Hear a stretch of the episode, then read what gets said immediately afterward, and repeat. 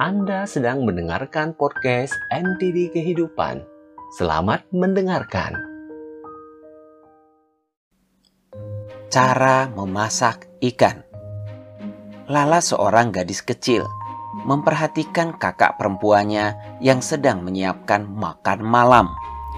Kakaknya sedang memasak seekor ikan. Lala menyadari bahwa kakaknya memotong ikan tersebut menjadi tiga bagian. Penasaran, dia pun bertanya, Kak, mengapa kakak memotong ikan itu menjadi tiga bagian? Kakaknya menjawab, Hmm, kakak juga tidak tahu. Kakak hanya mengikuti cara ibu memasak. Coba kamu tanya ibu saja. Baiklah kak, Kemudian Lala pun berlari menghampiri ibunya dan bertanya, ibu, kalau ibu memasak ikan, mengapa ikannya dipotong menjadi tiga bagian? Ibunya menjawab, Hmm, kenapa ya? Ibu juga tidak tahu alasannya. Ibu hanya mengikuti cara nenek memasak ikan. Kalau kamu mau tahu, coba saja tanya nenek. Baiklah kalau begitu bu. Lala pun kemudian berlari menghampiri neneknya.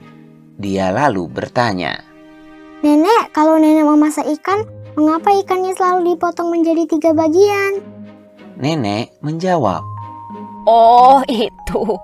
Itu karena dulu nenek hanya memiliki wajan penggorengan yang kecil. Jadi ikannya harus nenek potong jadi tiga bagian agar nenek bisa memasaknya, cu.